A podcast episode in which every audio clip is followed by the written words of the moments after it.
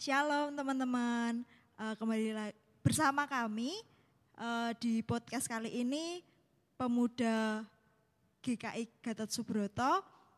Uh, kami memiliki program baru yaitu mengadakan podcast di mana kita bertujuan untuk pemuda bisa berdiskusi bareng di sini, bisa mengenal Tuhan lebih dalam lagi uh, dan tentunya dengan pembicara-pembicara yang luar biasa. Uh, ini adalah podcast pertama kami, jadi teman-teman yang mau bergabung, yuk ikuti terus podcast kali ini. Uh, kali ini kita sebelum mulai, kita mau memujikan pujian, satu pujian dengan judul Hati Sebagai Hamba.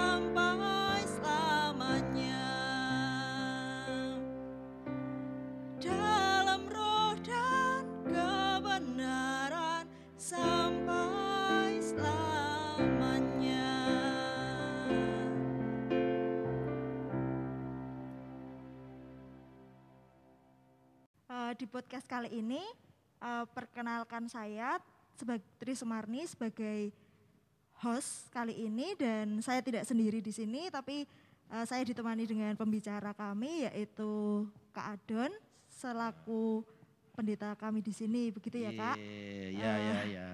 Oh iya, uh, tema kali ini kita akan membahas tentang diutus untuk menghadirkan tanda kerajaan Allah. Tapi sebelum kita mulai bertanya-tanya lebih lanjut lagi, uh, dimohon untuk Kak memimpin doa.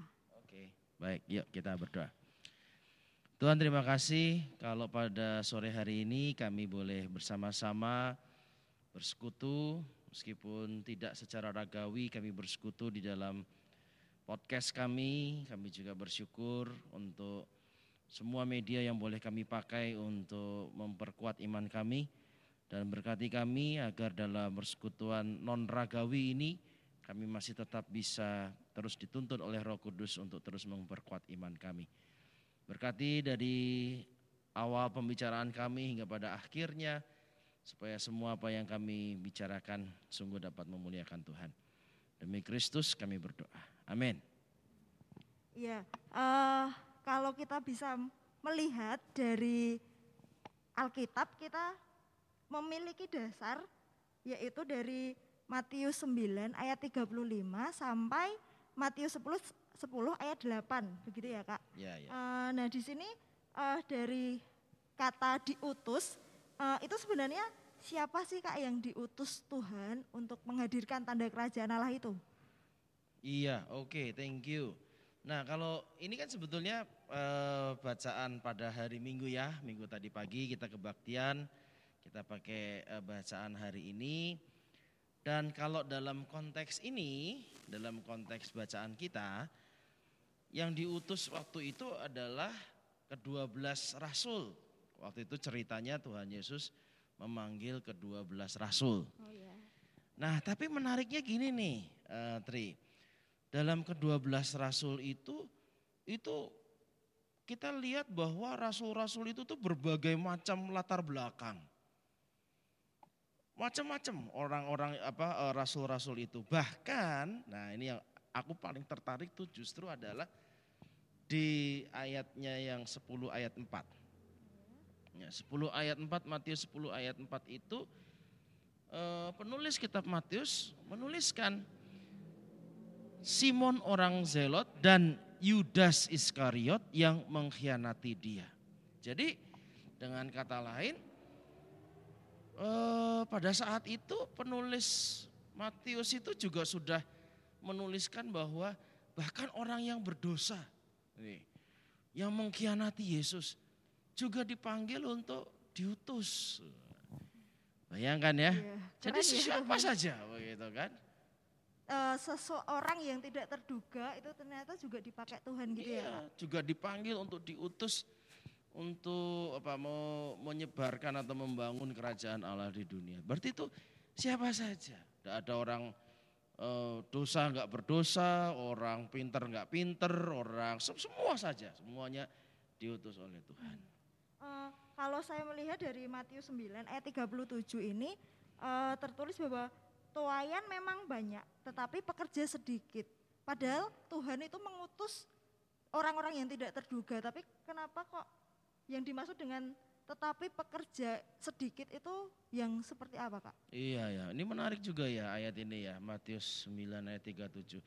Ya saya nangkepnya begini bahwa ayat 37 ini tidak bisa dilepaskan dari dua ayat sebelumnya, yaitu yang menceritakan ketika Tuhan Yesus anu kan apa namanya mengajar dari rumah-rumah lalu kemudian dia memberitakan Injil kerajaan sorga melenyapkan segala penyakit dan kelemahan.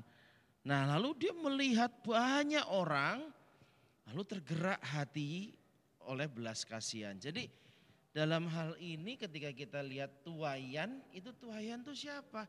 Tuayan itu ya orang-orang yang dilayani oleh Tuhan Yesus itu itu banyak sekali. Ya, digambarkan seperti orang yang tidak mempunyai gembala, seperti domba-domba yang tidak punya gembala. Nah, lalu kemudian kalau begitu siapa para penuainya ini seharusnya? E, siapa para pekerja-pekerja yang dimaksud? Yaitu orang-orang yang diutus untuk memberitakan kerajaan-kerajaan Allah. Nah, kenapa kok sedikit? Wah, karena ternyata jarang sekali ya orang yang mau untuk e, berbelas kasihan sehingga memberitakan Injil kerajaan Allah itu. Oh berarti uh, di sini tuayan adalah orang-orang yang mendapat belas kasihan dari ya, Tuhan betul, gitu dan para pekerja itu adalah bisa disebut sebagai hamba. Ya para pelayan-pelayan, para hamba-hamba ya. Iya. Garis bawahnya yang mau ya kak. Yang mau ya. Karena yang mau dipanggil. Oleh sebab itu, itu disebutkan sebagai pekerjanya itu sedikit seperti iya, itu. betul sekali. Eh, kemudian kak, eh, orang-orang yang mau itu berarti mereka memiliki kriteria sendiri nggak sebagai hamba Tuhan itu, Iya, sebagai pekerja Tuhan. eh, kalau kriterianya orang yang yang dipanggil, yang dipanggil untuk diutus itu siapa saja, eh, seperti apa begitu. Nah saya melihatnya bahwa sepertinya eh, Tuhan Yesus tidak memilih se- se- kriteria yang muluk-muluk begitu. Harus orang yang benar, harus orang yang suci, harus orang yang saleh, harus orang yang pinter, harus orang yang uh, ahli bicara, enggak begitu ya.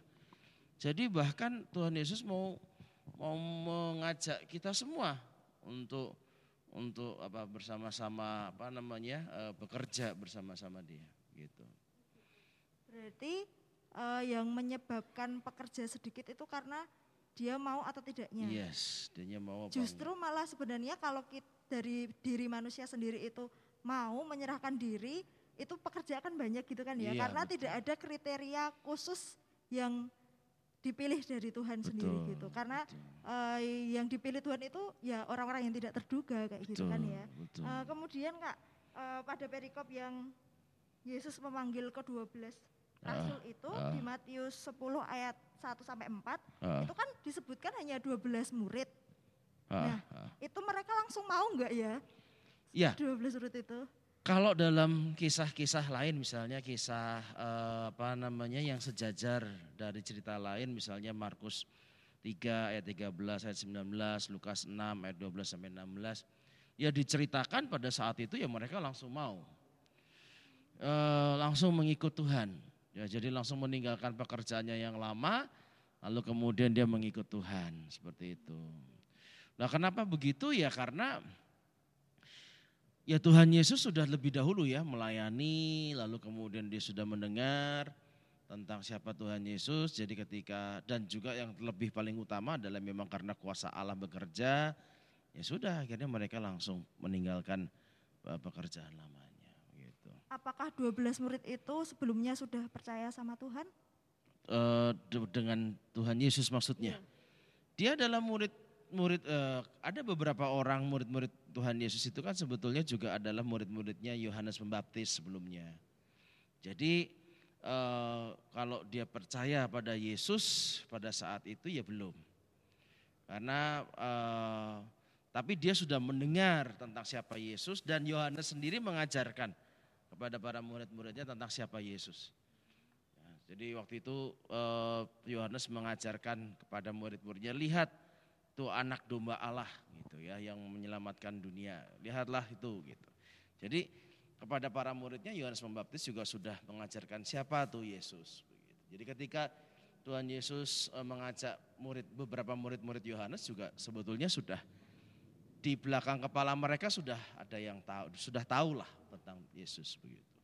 Eh, Kira-kira eh, murid Yesus itu hanya 12 itu saja atau ada yang lain sih Kak Iya. sebenarnya? Gini, sepanjang yang saya ketahui ya sebetulnya itu eh, ada macam apa ya eh, lingkaran dalam, lingkaran tengah dan lingkaran luar dari murid-murid Tuhan Yesus.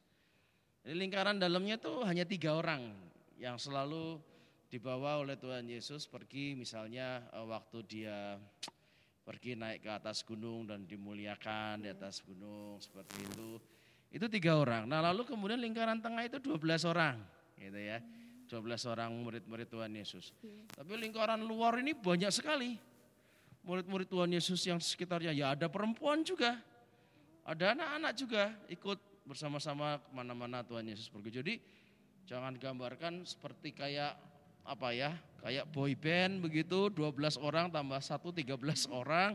Lalu boy band itu banyak yang mana manggung, enggak seperti itu. Dulu itu banyak yang banyak yang pergi, banyak yang mengikuti, banyak yang meninggalkan juga.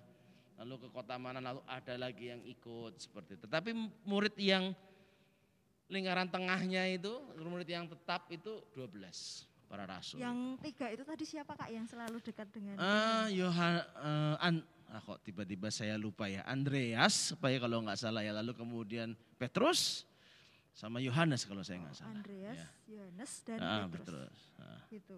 Eh, kenapa yang disebutkan itu hanya ke-12 itu? Yang lain kok tidak di ini Kalau ditulisin satu-satu penuh kali ya Oh, gitu. Berarti karena ya mungkin mereka yang apa ya, Ya, yang dekat dengan Tuhan. Ya, secara Gitu khusus ya. jadi gini, memang ada yang panggilannya itu secara khusus. Ya. Nah, yang secara khusus itulah yang dipanggil yang 12 murid itu untuk menjadi rasul begitu ya, untuk menjadi murid utamanya gitu.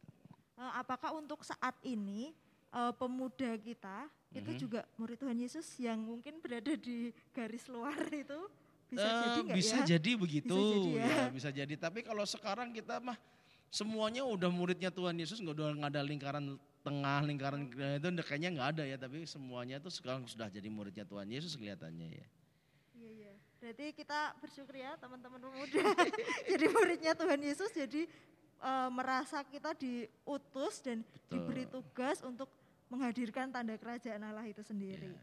Eh, kemudian kak eh, ada nggak sih step-step caranya Tuhan Ya, untuk mengutus eh, murid-muridnya nih? Kan tadi ada yang satu sampai empat kan memanggil, Ya, Yesus ya. memanggil, kemudian Yesus mengutus. Apakah ada eh, langkah-langkah lain Iya. yang lain juga? Kalau dilihat dari bacaan kita ya eh, saya melihatnya tiga step ya Eh, Tuhan yang pertama kaleo dulu memanggil dulu lalu setelah memanggil diberi nasihat dulu itu diperlengkapi istilahnya diperlengkapi dulu setelah diperlengkapi baru kemudian diutus begitu tiga hal itu jadi pertama dipanggil dulu panggil lalu kemudian oh ya eh, di- mereka mau kemudian diperlengkapi itu diberikan nasihat begitu terus habis itu diutus Kira-kira kak nasihatnya apa aja ya? ada Pada tiga, waktu itu. tiga, ada tiga, Ada tiga. ada tiga nasihat yang diberikan kepada eh, para murid pada waktu itu ya. Yang pertama yang 10 ayat 15, eh iya, eh, 10 ayat 5 ya, 10 ayat 5. Eh, jangan kamu menyimpang ke jalan bangsa lain atau masuk ke dalam kota orang Samaria. Itu yang pertama. Lalu kemudian pergilah dan beritakan kerajaan sorga sudah dekat. Itu yang kedua. Sembuhkan orang sakit, bangkitkan orang mati, tahirkan orang kusta, usirlah setan-setan. Itu orang yang eh, nasihat yang ketiga. Gitu. Jadi ada tiga yang yang dinasihati oleh eh, eh, Tuhan Yesus kepada para muridnya. Eh, itu maksudnya eh, yang di ayat 5, janganlah kamu menyimpang ke jalan bangsa lain atau Iya. masuk ke dalam kota orang Samaria. Berarti kita eh, pergi tidak di eh, negara lain mungkin atau di kota Betul, lain. Berarti betul. kita berada di kota itu, ya kita melakukan pengutusan itu di situ, menghadirkan Yes, tanda betul. di situ gitu ya. Jadi dari ayat ini Tuhan Yesus mau mengajarkan orang usah neko-neko. Sebelum kamu memberitakan, wah ke mana, ke mana, ke mana, beritakan dulu yang terdekat, gitu. Jadi kamu nggak usah, wah jauh-jauh mikir. Sebelum kamu memberitakan sukacita ke mana-mana, Injil Kerajaan Allah ke mana-mana, beritakan dulu ke orang-orang yang paling dekat di sekitar kamu Oh, itu. gitu. Gitu. Iya, kemudian eh, pergilah kepada domba-domba yang hilang dari umat Israel. Ya, Berarti sama ini itu. dimaksud siapa nih? Ya, orang-orang yang kamu kenal. Ya kan ini kan kepada para murid-murid yang orang-orang Israel juga kan. Orang-orang yang kamu kenal, saudara-saudaramu, orang yang dekat padamu, yang kamu ngerti nih dia tuh lagi terhilang gitu kan. Nggak usah kamu mikirin, wah saya mau menyelamatkan eh, orang yang ada di Amerika. Nggak usah mikir kayak begitu. Di sekitarmu sudah sangat banyak gitu kan. Eh, contohnya yang paling dekat adalah keluarga kita ya. Keluarga. Keluarga, kemudian komunitas yang kita Ya, ikuti seperti ikuti, pemuda betul. kompem ini, Ya. kemudian gereja. Gitu Gere- ya, Kak? ya mungkin ada teman-teman yang ada di gereja sekarang lagi menghilang misalnya seperti itu ya. Kenapa mereka menghilang? Nah itu ya, pergilah diutus ke situ. Begitu. Oh, gitu, iya, iya. Nah ini, ini kan eh, kayak khusus ya kak. kayak Hmm. yang di ayat 8, sembuhkanlah orang sakit, bangkitkanlah orang mati, Ya. lahirkanlah orang kusta, usirlah setan-setan dan selanjutnya. Ya, ya, nah ya, ini kayak khusus gitu kak. Oh, itu gimana? semua orang dipanggil untuk melakukan hal itu. Oh gitu ya. Iya. Jadi bisa siapa pun bisa melakukan Bis- ini bisa dengan saja. kuasa Roh Kudus. Iya, betul saja dengan kuasa Roh Kudus juga dan intinya adalah eh, Injil Kerajaan Allah itu sebetulnya kan intinya adalah bagaimana kita mem- apa namanya? Kalau jadi kalau Tuhan Yesus itu diteliti setiap pekerjaannya itu ada beberapa hal yang pokok. Misalnya yang pertama dia eh, mementingkan untuk keutuhan semesta. Ya bagaimana semesta ini bisa dipulihkan gitu. Lalu yang kedua soal keadilan. Apakah Tuhan Tuhan Yesus menegakkan keadilan di bumi ini? Lalu yang ketiga soal perdamaian. Ya, perdamaian itu eh, apa namanya? Bagaimana Tuhan Yesus memberikan perdamaian, ke- kedamaian di dalam dunia ini. Dan yang keempat, wah ini yang saya lupa. Sepertinya soal kesembuhan. Kesembuhan itu bukan cuma fisik ya, tapi kesembuhan itu juga juga batinnya, juga keadaan misalnya apa ya macam-macam lah ekonomi atau apa kesembuhan yang holistik gitu yang, yang menyeluruh. Nah itu yang diminta oleh Tuhan Yesus untuk kita kerjakan Injil Kerajaan Allah itu. Nah contoh-contoh konkretnya ngusir setan. Nah, ngusir setan tuh jangan dibayangkan sebagai wah ngusir ngusir apa ngusir suster ngesot atau sus, atau ngusir pocong kuntilanak nggak seperti itu gitu. Tapi ya setan itu kan membuat destruktif ya. Dunia tuh hancur, kehidupan itu hancur. Nah kita upayakan kita mengenal nih ada kuasa-kuasa setan yang menghancurkan. Nah kita datang supaya orang itu tidak lagi mengikuti kuasa setan itu ya. Mungkin pada saat itu ya ada masalah apa ya kita wah, teman ada teman misalnya teman pemuda misalnya wah dia hidupnya hancur. Misalnya tertarik pada narkoba misalnya. Nah itu kan kuasa setan juga kan? Nah itu kita diutus untuk melepaskan seperti itu Eh, kalau ada temen yang sakit hati putus sama pacarnya gitu gimana nah, kak? itu juga kuasa setan juga eh kuasa setan. Itu juga kita diutus juga ke sana untuk memberikan kedamaian. Kayak gitu memberi kan. penghiburan sama dia Yes, gitu ya kak? yes. Oh iya. Kalau cowok ya dipacari lagi. Eh, ternyata kalau di dilihat la- lebih lagi eh, hal-hal sederhana itu juga menjadi tugas kita sebagai murid ya Iya, kak. betul. Eh, betul. terlebih sama teman-teman kita atau orang-orang yang terdekat Iya, kita. betul sekali. Nah, menariknya juga Tri, eh, selanjutnya tuh di ayat 8 Tuhan Yesus mengatakan, kamu telah memperolehnya dengan cuma-cuma karena itu berikanlah pula dengan cuma-cuma. Jadi tugas perutusan yang kita lakukan itu jangan kemudian di kita pikirkan, waduh berat sekali begitu ya. Aduh susah sekali. Ya kalau dipikirkan susah, tapi apa yang sudah kita terima di dalam Tuhan itu luar biasa.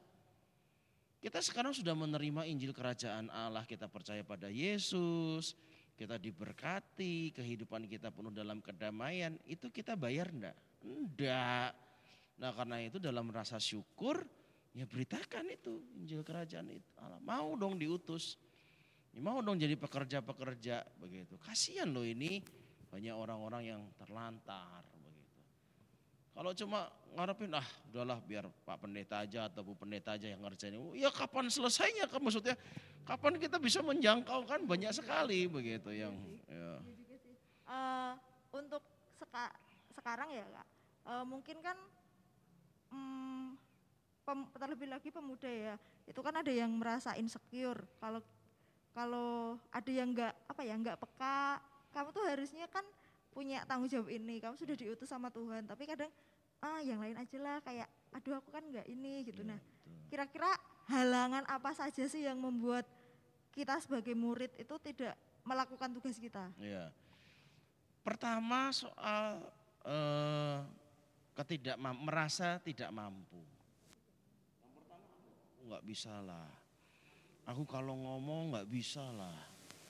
Gitu ya. Nah itu ada cerita tuh ketika dalam perjanjian lama Musa diutus untuk pergi ke orang-orang Israel itu, itu kan juga begitu dia merasa tidak mampu. Jangan aku lah Tuhan, kalau bisa si ini, kalau bisa si itu. Ah, Tuhan marah kan. Loh kamu tuh kalau tak utus itu kamu bukan gelandang sendiri maju loh. Kamu tak perlengkapi loh.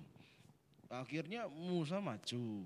Gitu kan. Itu yang pertama tuh adalah soal insecure apa insecuritas insecuritas insecurity-nya itu ya soal soal saya tidak mampu. Yang kedua, saya tidak layak.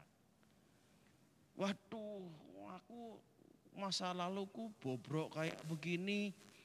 Aku mantan narkoba, aku ngomongin orang yang apa namanya kena narkoba nanti kalau dia bilang lah kan kamu tahu enaknya kayak gimana lah cuma apa gajah di belangkoni cuma iso ngomong tapi raiso ngelakoni nah itu terus merasa ah nggak jadilah kayak gitu kan. Nah tapi kita ngelihat di sini bahwa Yudas Iskariot pun yang mengkhianati Yesus itu juga kemudian diutus. Emangnya kita lebih berdosa daripada Yudas Iskariot? Yudas Iskariot pun juga diutus sama Tuhan. Gitu. Jadi Nggak ada orang yang nggak berdosa, semua orang berdosa. Cuma masalahnya bukan seberapa jauh kita berdosa, tapi seberapa kamu walaupun dosamu merah seperti kemarin, ya udah itu masa lalu. Ya, tapi aku akan memut, apa, membuatmu apa, menjadi putih seperti bulu domba. Itu masa lalu sudah gitu. Tapi sekarang mau apa enggak kamunya? Gitu. Untuk untuk untuk diutus dan untuk berbuah begitu. Kamu sudah menerima banyak berkat, gitu kira-kira. Uh, kemudian kalau bertemu dengan orang-orang yang seperti itu kak, uh, gimana sih cara mengatasinya? Terlebih lagi buat diri sendiri ataupun kita perlu nggak ada uh, orang yang harus memberitahu gitu bahwa kamu tuh sebenarnya layak, kamu tuh sudah uh, diberi diberi uh, kemampuan sama Tuhan gitu loh, di, udah dinasehati, udah di perlengkapi gitu tapi masih ada yang kayak gitu uh, perlu nggak cara mengatasinya yang kalau bertemu dengan orang-orang yang seperti itu gimana? Ya, yang pertama kita harus tahu dan ingat bahwa yang mengubah hati orang itu Tuhan, bukan kita ya, bukan karena kekuatan kita. Yang mengubah hati seseorang itu adalah Tuhan. Nah, jadi dengan kata lain, pertama kali mintalah pertolongan Tuhan. Lalu yang kedua, ingat bahwa kita ini pun juga nggak jauh lebih baik dari dia. Jadi jangan kemudian kita menghakimi, kamu nggak boleh begitu, ingat firman Tuhan. Kita harus nah punya compassion ya. Yang seperti yang Tuhan Yesus saat ini lakukan gitu. Dia punya belas kasih gitu. Belas kasihan. Dia mampu menempatkan dirinya pada pergumulan orang lain. Ya kalau kita misalnya apa ada orang patah hati misalnya. Lalu kemudian tidak mau pelayanan lagi misalnya karena patah hati apalagi sekarang dia e, mau pelayanan di pemuda lah pacarnya sama e, mantan pacarnya pacaran sama teman pemuda juga di dalam situ wah aku udah nggak mau lagi ke pemuda misalnya kayak begitu ya jangan Kemudian kita menghakimi, wah kayak begitu gak boleh lah namanya tuh namanya cengeng. Nah itu berarti kita tidak punya compassion lah. Kita nggak punya belas kasihan. Nah itu cara ngomong sama orang-orang kayak begitu ya ingat bahwa kita tuh nggak lebih hebat dari dia. Kalau kita ngalamin seperti dia, apakah kita juga akan setegar seperti apa yang kita katakan sekarang? Nah, tempatkan diri kita pada apa yang menjadi pergumulannya. Tapi tetap ada di dalam terang firman Tuhan. Yuk kita bersama-sama yuk jalan. Ya. Supaya kita jangan move on nih, jangan terus begini terus. Ke gereja ya udah gak apa-apa, yuk ke gereja. Gitu. Jadi uh, kalau seandainya ada yang seperti itu ya yang bisa menolong Tuhan sendiri, yang bisa mengubah yes. hati seseorang itu Tuh. Tuhan sendiri dan uh, kalau seandainya kita bertemu dengan orang yang seperti itu ya kita hanya bisa mengajak dan memberi penghiburan supaya dia kembali lagi Tuh. untuk pelayanan gitu kan ya. Tuh, ya. Uh, ini kak, kan kita masih pakai masker nih ya. ya. Otomatis kita masih berada di masa ada pandemi ini dong. Iya, iya. Iya kan? Uh, berarti kita harus dan masih untuk melakukan tugas pengutusan ini. Tuh, iya. Iya kan, Kak? Nah, memakai masker pun juga menurut saya melakukan tugas perutusan. Kenapa memakai masker ini melakukan tugas perutusan? Karena kehidupan orang lain. Kita bercompassion, kita mempunyai hati untuk menjaga kehidupan ini. Jadi jangan dipikirkan bahwa eh, wah yang pakai yang pakai shield, yang sedikit-sedikit semprot, pakai alkohol apa segala macam, takut ketularan, takut mati, ya jangan berpikir begitu juga. Tapi juga takut menularkan orang lain sehingga jadi batu sandungan bagi orang lain. Gara-gara saya misalnya kan sekarang ada juga orang OTG OTG ya. Orang tanpa gejala, orang tanpa gejala seperti itu. Nah, itu juga juga menjaga keutuhan ciptaan ya kan? Juga menjaga kedamaian. Itu juga adalah bagian dari Injil kerajaan Allah. Kata Injil Evangelion itu adalah kabar sukacita. Artinya sukacita, kabar sukacita. Nah kalau kehidupan kita sembrono dan kemudian menjadi dampak bencana bagi orang lain, kan kita nggak mengabarkan sukacita, kita kabarkan duka cita itu. Nanti kita bukan mengabarkan Injil. Kondisi seperti ini kita kan terbatas untuk pergi ke gereja untuk eh, mengabarkan Injil bertemu dengan beberapa Oh, teman ya. atau Ah. banyak berbanyak di apa ya di luar sana gitu ya kak. S- apa ya masukan atau saran atau nasihat untuk kita masih bisa melakukan pengutusan itu Hmm.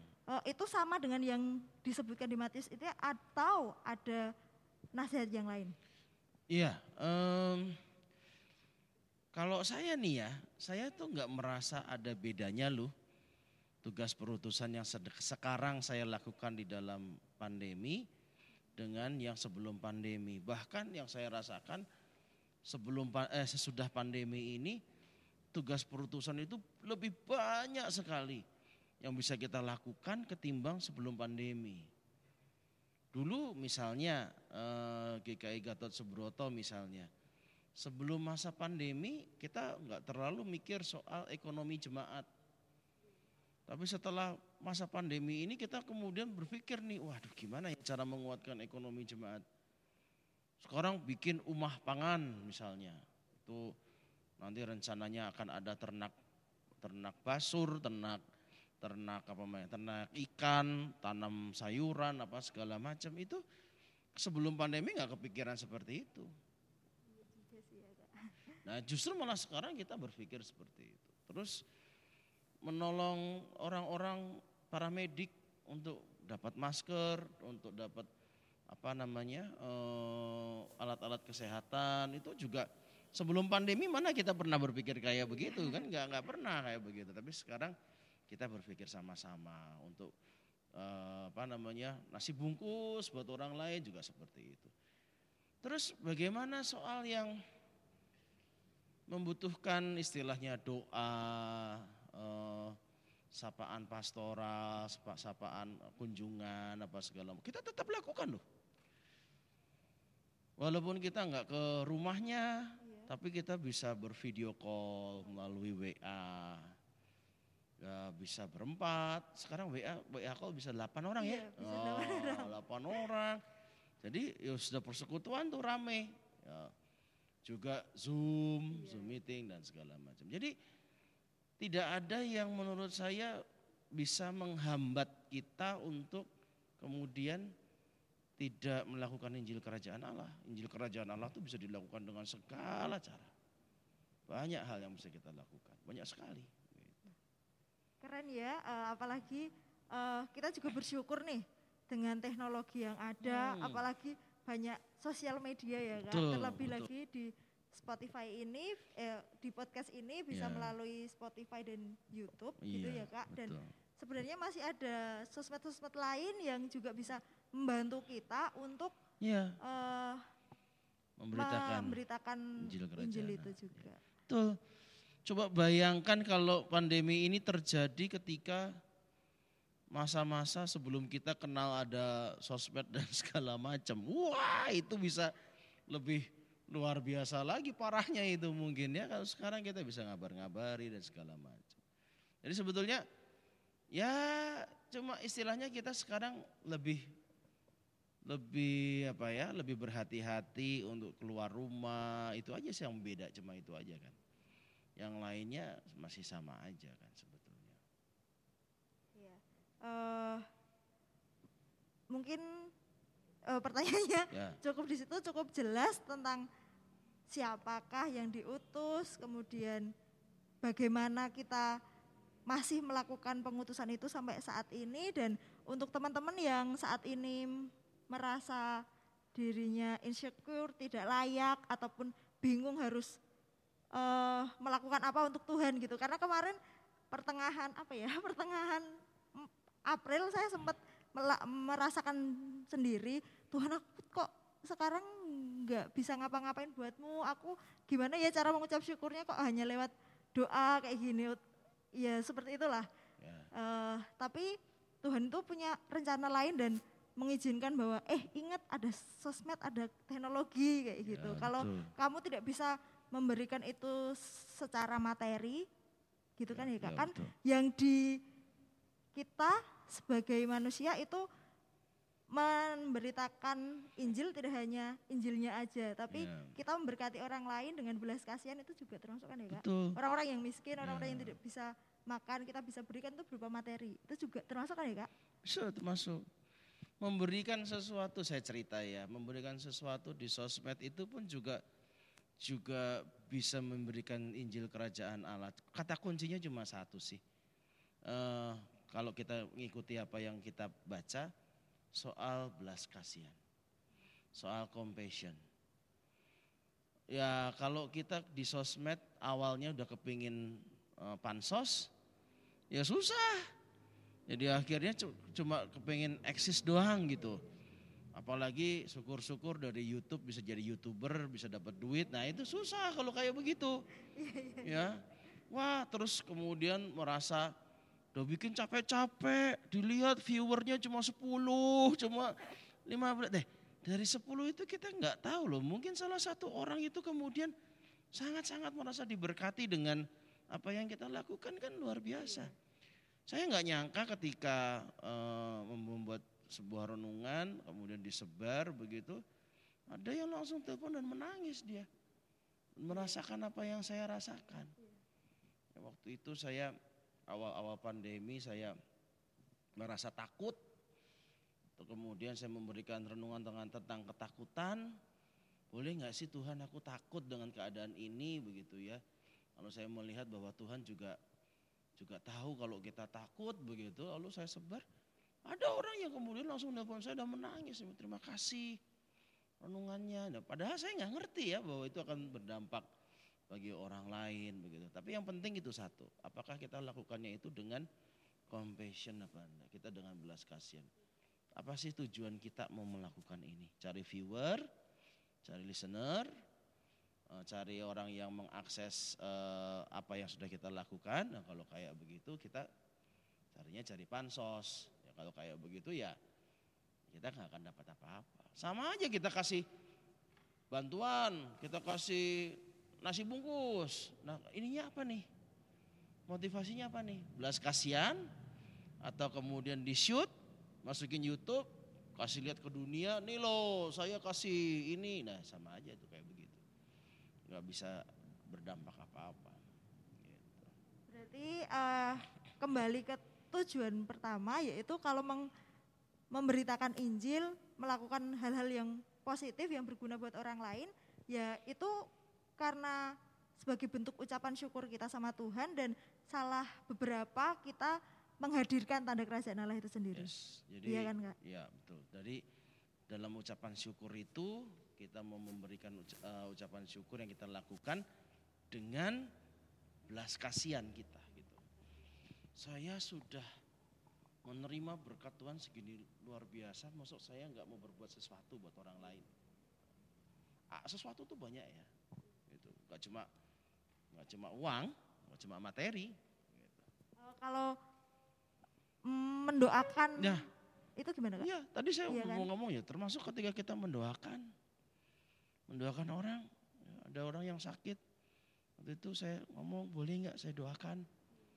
Ya. Sekarang mendoakan tuh gampang aja kok. Kita tahu teman kita susah. Eh aku tahu kamu susah. Aku tak kirim doa ya.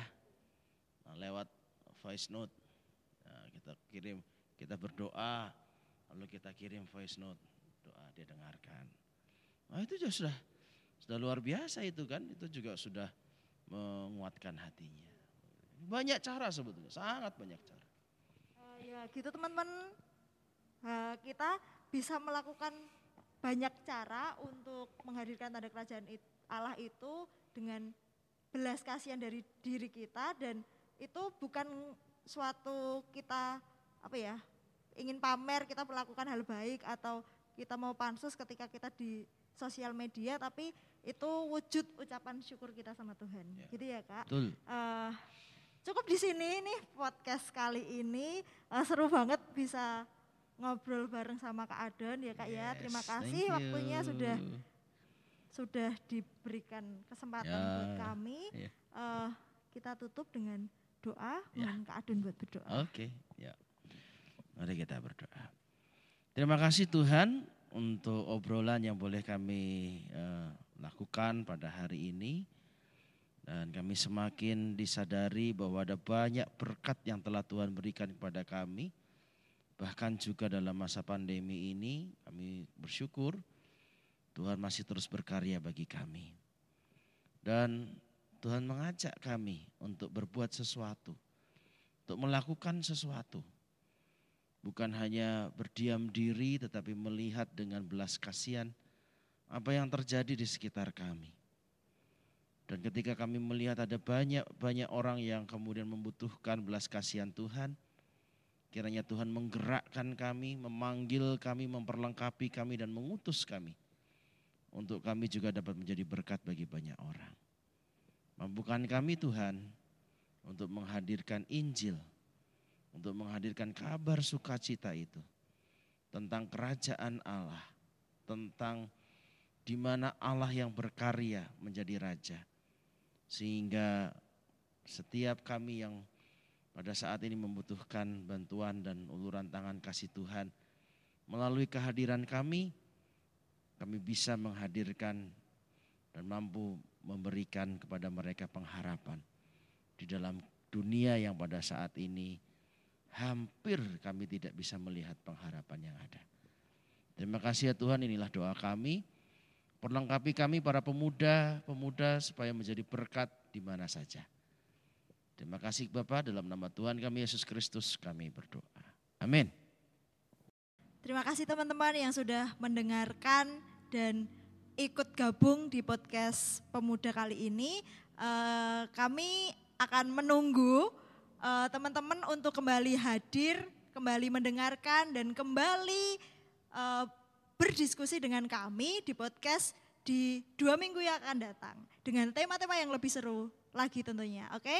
uh, eh, untuk podcast kali ini teman-teman bisa mengikuti dan bisa melihat dari Spotify, mendengar dari Spotify atau melihat dari YouTube. Nah nanti untuk alamatnya YouTube dan Spotify-nya akan ada di komentar, ada di deskripsi di bawah ini ya, di bawah ini. Kemudian kalau teman-teman punya kerinduan untuk sharing, berbagi pengalaman cinta kasihnya Tuhan di dalam hidup teman-teman, bisa juga eh, kalian record berupa audio. Nanti jika teman-teman berkehendak, kami akan memasukkannya di Spotify begitu. Biarlah eh, tidak hanya teman-teman saja nih ya yang yang merasakan pengalaman Tuhan secara pribadi itu tapi bisa diberitakan ke teman-teman yang lain melalui Spotify dan YouTube ini. Begitu uh, untuk ada yang punya kerinduan dan tertarik untuk aku mau dong kesaksian di Spotify-nya Kompem Gatsu ini. Nah, bisa juga uh, nanti kami akan menyisipkan nih ada nomor WA di bawah ini uh, itu nanti bisa menghubungi Erik sebagai ketua pemuda ataupun Dio sebagai tim multimedia di pemuda dan di GKI Gatsu ini. Begitu ya teman-teman kami tunggu kedatangan selanjutnya dan pengumuman satu lagi nih. kalau teman-teman punya kerinduan untuk gabung di multimedia, uh, bisa juga nanti menghubungi Dio. Nomornya ada akan ada di bawah ini nih. Ya, gitu ya. Uh, aku rasa teman-teman bisa masih bisa memberitakan Injil, masih bisa melayani Tuhan walaupun dengan kondisi seperti ini. Jadi semangat teman-teman buat melayani Tuhan dan yang merasa tidak layak, merasa tidak mampu, Tuhan itu memperlengkapi kalian. Begitu teman-teman, terima kasih. God bless you. See you.